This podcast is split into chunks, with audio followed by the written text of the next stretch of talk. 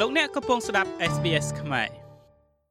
ប្រព័ន្ធច្បាប់របស់ប្រទេសអូស្ត្រាលីអាចមានភាពច្របូកច្របល់សម្រាប់ប្រជាជនសាមញ្ញហើយវាប្រហែលជាត្រូវការជំនួយពីសំណាក់អ្នកដែលមានវិជ្ជាជីវៈច្បាស់លាស់ប៉ុន្តែដោយសារថាមេធាវីគិតថ្លៃសេវាកម្មរាប់រយដុល្លារក្នុងមួយម៉ោងមួយម៉ោងមិនមែនគ្រប់គ្នាសុទ្ធតែអាចមានលទ្ធភាពនៅក្នុងការស្វែងរកយុត្តិធម៌បាននោះទេ ទោះជាយ៉ាងណាក៏ដោយអ្នកប្រហែលជាអាចទទួលបាននៅជំនួយដែលឥតគិតថ្លៃតាមរយៈជំនួយផ្នែកច្បាប់ឬហៅថា legal aid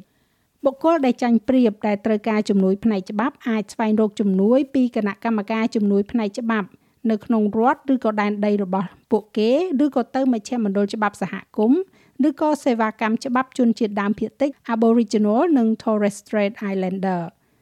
សាស្ត្រាចារ្យច្បាប់នៅសាកលវិទ្យាល័យ Monash លោកបណ្ឌិត Jeff Giddings មានប្រសាសន៍ថាអាជ្ញាធរជំនួយផ្នែកច្បាប់មានថវិកាជំនួយដែលមានកម្រិតដូច្នេះពួកគេត្រូវសម្រេចចិត្តថាតើករណីណាដែលត្រូវទទួលយក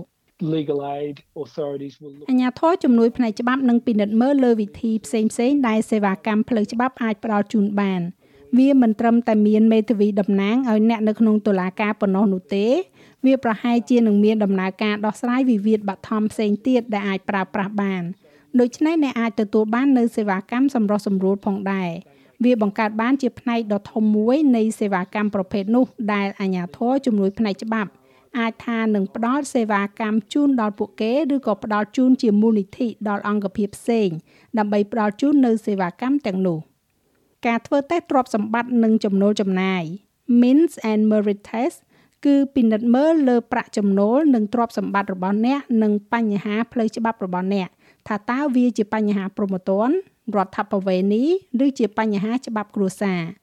បុគ្គលម្នាក់អាចថាគ្រាន់តែត្រូវការព័ត៌មានផ្លូវច្បាប់ឬក៏ដំបូន្មានជាក់លាក់មួយចំនួនអំពីបញ្ហាផ្លូវច្បាប់ប៉ុន្តែប្រសិនបើនរណាម្នាក់ត្រូវការតំណាងផ្នែកច្បាប់ ពួកគេត្រូវដាក់ពាក្យសុំជំនួយផ្នែកច្បាប់ សាស្ត្រាចារ្យច្បាប់នៃសាកលវិទ្យាល័យ Sydney លោក Simon Rice មានប្រសាសន៍ថាអ្នកដែលមានប្រាក់ចំណូលមធ្យមភាគច្រើនមិនមានសិទ្ធិទទួលបានថវិកាជំនួយផ្នែកច្បាប់នេះទេលោកបានវិភាគទៅលើស្ថិតិជំនួយផ្នែកច្បាប់ថ្នាក់ជាតិរបស់ប្រទេសអូស្ត្រាលីនៅចន្លោះខែកក្កដាឆ្នាំ2020ដល់ខែឧសភាឆ្នាំ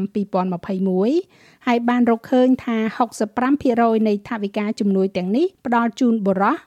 និង33%ផ្ដល់ជូនស្ត្រី។ people can't afford legal representation ប្រជាជនមិនមានលទ្ធភាពអាចជួលមេធាវីបានទេប៉ុន្តែពួកគេក៏មិនមានសិទ្ធិទទួលបានជំនួយផ្នែកច្បាប់ដែរថាវិការជំនួយផ្នែកច្បាប់ភាគច្រើនផ្ដល់ទៅឲ្យបរិះហើយភាគច្រើនផ្ដល់ទៅឲ្យខាងផ្នែកច្បាប់ព្រហ្មទណ្ឌនៅក្នុងច្បាប់ព្រហ្មទណ្ឌបរិះទទួលបានជំនួយផ្នែកច្បាប់ច្រើនជាងស្ត្រី5ដង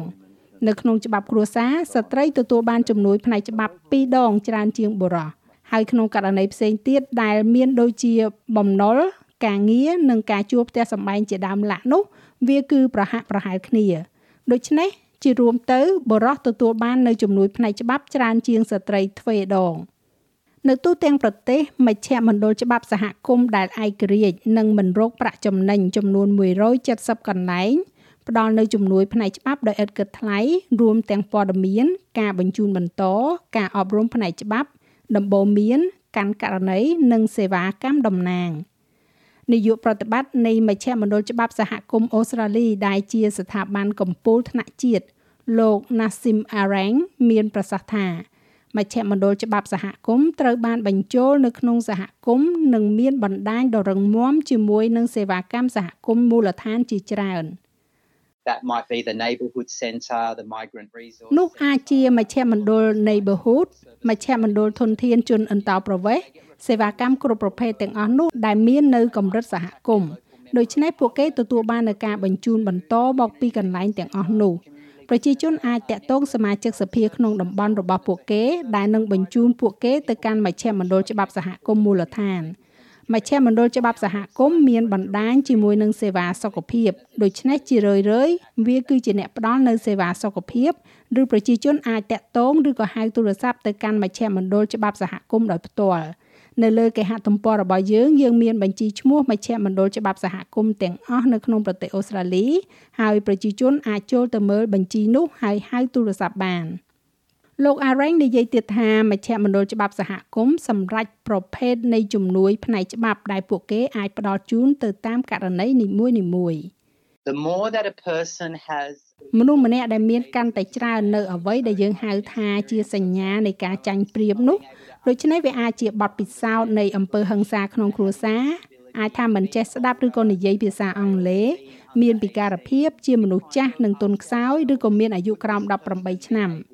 យើងសួរខ្លួនយើងថាតើបុគ្គលនេះអាចជួយខ្លួនឯងបានដែរឬទេតើបុគ្គលនេះអាចជួយខ្លួនឯងបានកម្រិតណាហើយប្រសិនបើការសម្រេចចិត្តចេញមកថាបុគ្គលនោះមិនអាចរុករកប្រព័ន្ធច្បាប់បានដោយគ្មានជំនួយគ្រប់គ្រងបន្ថែមទេនោះយើងព្យាយាមនិងផ្ដល់ការគ្រប់គ្រងដែលត្រូវការចាំបាច់ មនុស្សគ្រប់គ្នាដែលតាក់ទងទៅមជ្ឈមណ្ឌលច្បាប់សហគមន៍យ៉ាងហោចណាស់អាចទទួលបាននៅព័ត៌មានផ្លូវច្បាប់និងការណែនាំសម្រាប់ធនធានដើម្បីជួយខ្លួនឯងបន្ទាប់ពីទទួលរងនៅអំពើហិង្សាក្នុងគ្រួសារជនចំណាក់ស្រុកដែលមានដើមកំណើតនៅប្រទេសអាសង់ទីនម្នាក់បានចំណាយពេលជាច្រើនឆ្នាំ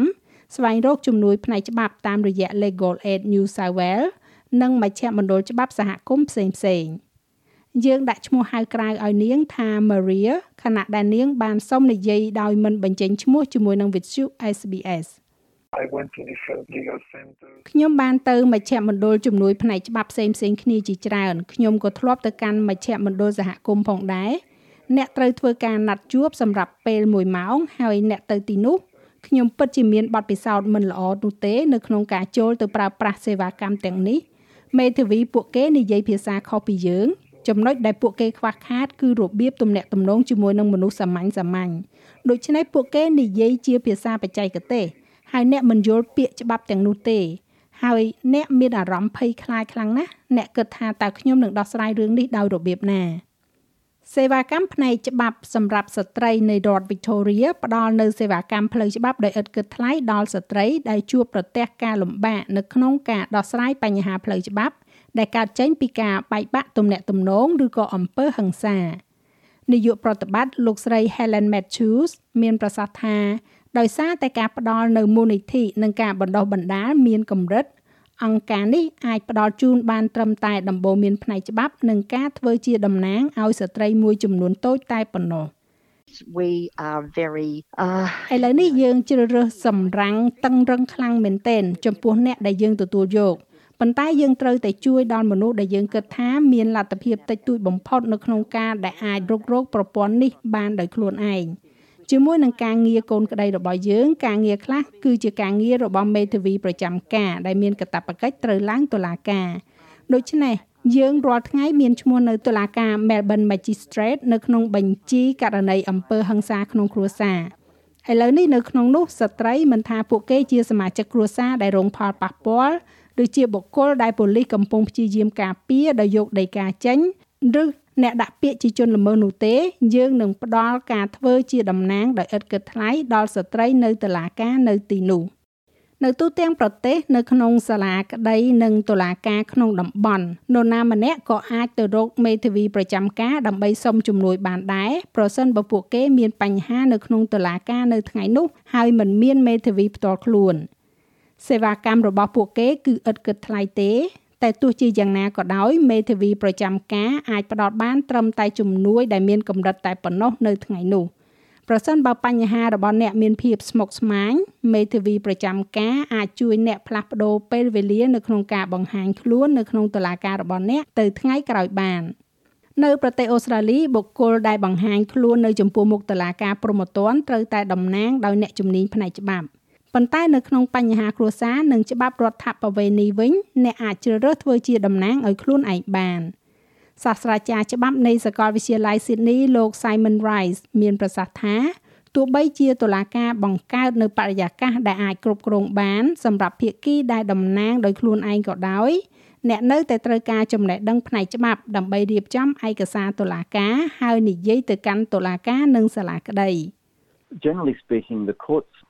និយាយជាទូទៅតុលាការមានភាពទន់ភ្លន់ជាងមុនសម្រាប់អ្នកដែលធ្វើជាមេធាវីតំណាងឲ្យខ្លួនឯងប៉ុន្តែមានដែនកំណត់ដែលតុលាការអាចធ្វើទៅបានព្រោះតុលាការសន្មត់ថាត្រូវធ្វើដោយឯករាជ្យដូច្នេះច្រើនបំផុតតាមដែលអាចធ្វើទៅបានតុលាការផ្ដល់ឲ្យនៅបរិយាកាសដែលអាចគ្រប់គ្រងបានប៉ុន្តែវាមិនបានច្រើនណាស់ណានោះទេមិនថាតែតុលាការនោះមានភាពទន់ភ្លន់ប៉ុណ្ណានោះទេច្បាប់គឺមានលក្ខណៈបច្ចេកទេសខ្ពស់ នោះហើយជាចំណុចចម្បងទី1ហើយចំណុចទី2គឺដំណើរការនីតិវិធីគឺជាមួយនឹងគូបដិបកអ្នកពិតជាស្ថិតនៅក្នុងការប្រគួតប្រជែងជាមួយនរណាម្នាក់ហើយភាគីម្ខាងទៀតនឹងត្រូវបានអនុញ្ញាតឲ្យធ្វើនៅអ្វីអ្វីគ្រប់យ៉ាងដែលស្របច្បាប់ដើម្បីឈ្នះរឿងក្តីដូច្នេះអ្នកត្រូវទប់ទល់នឹងគូប្រជែងដែលជាគូសត្រូវរបស់អ្នកព្រមទាំងប្រព័ន្ធបច្ចេកទេសច្បាប់ សាស្ត្រាចារ្យផ្នែកច្បាប់លោកបណ្ឌិត Jeff Giddings មានប្រសាសន៍ថាសាកលវិទ្យាល័យ Monash ដំណើរការកម្មវិធីជំនួយផ្នែកច្បាប់គ្រួសារដែលរចនាឡើងដើម្បីជួយដល់បុគ្គលដែលធ្វើជាតំណាងដោយខ្លួនឯងនៅក្នុងវិវាទច្បាប់គ្រួសារសាលាច្បាប់អូស្ត្រាលីផ្សេងទៀតក៏ផ្ដល់ជូននៅបទពិសោធន៍ផ្នែកពីគ្រោះយោបល់ជាមូលដ្ឋាន ដែលរួមមានសាកលវិទ្យាល័យ Griffith សាកលវិទ្យាល័យ Deakin សាកលវិទ្យាល័យ Bond និងសាកលវិទ្យាល័យជាច្រើនផ្សេងទៀត នៅក្នុងការពិគ្រោះយោបល់ផ្នែកច្បាប់ក្រោមការត្រួតពិនិត្យរបស់មេធាវីដែលមានសមត្ថភាពនិងបទពិសោធន៍និស្សិតផ្ដល់ចំណេះដឹងនិងការគ្រប់គ្រងអំពីដំណើរការច្បាប់និងនីតិវិធីតុលាការដោយឥតគិតថ្លៃនៅមានគេហទំព័រជាច្រើនទៀតដែលផ្ដល់ព័ត៌មានផ្លូវច្បាប់ដោយឥតគិតថ្លៃដើម្បីជួយអ្នកនៅក្នុងការរុករកប្រព័ន្ធតុលាការ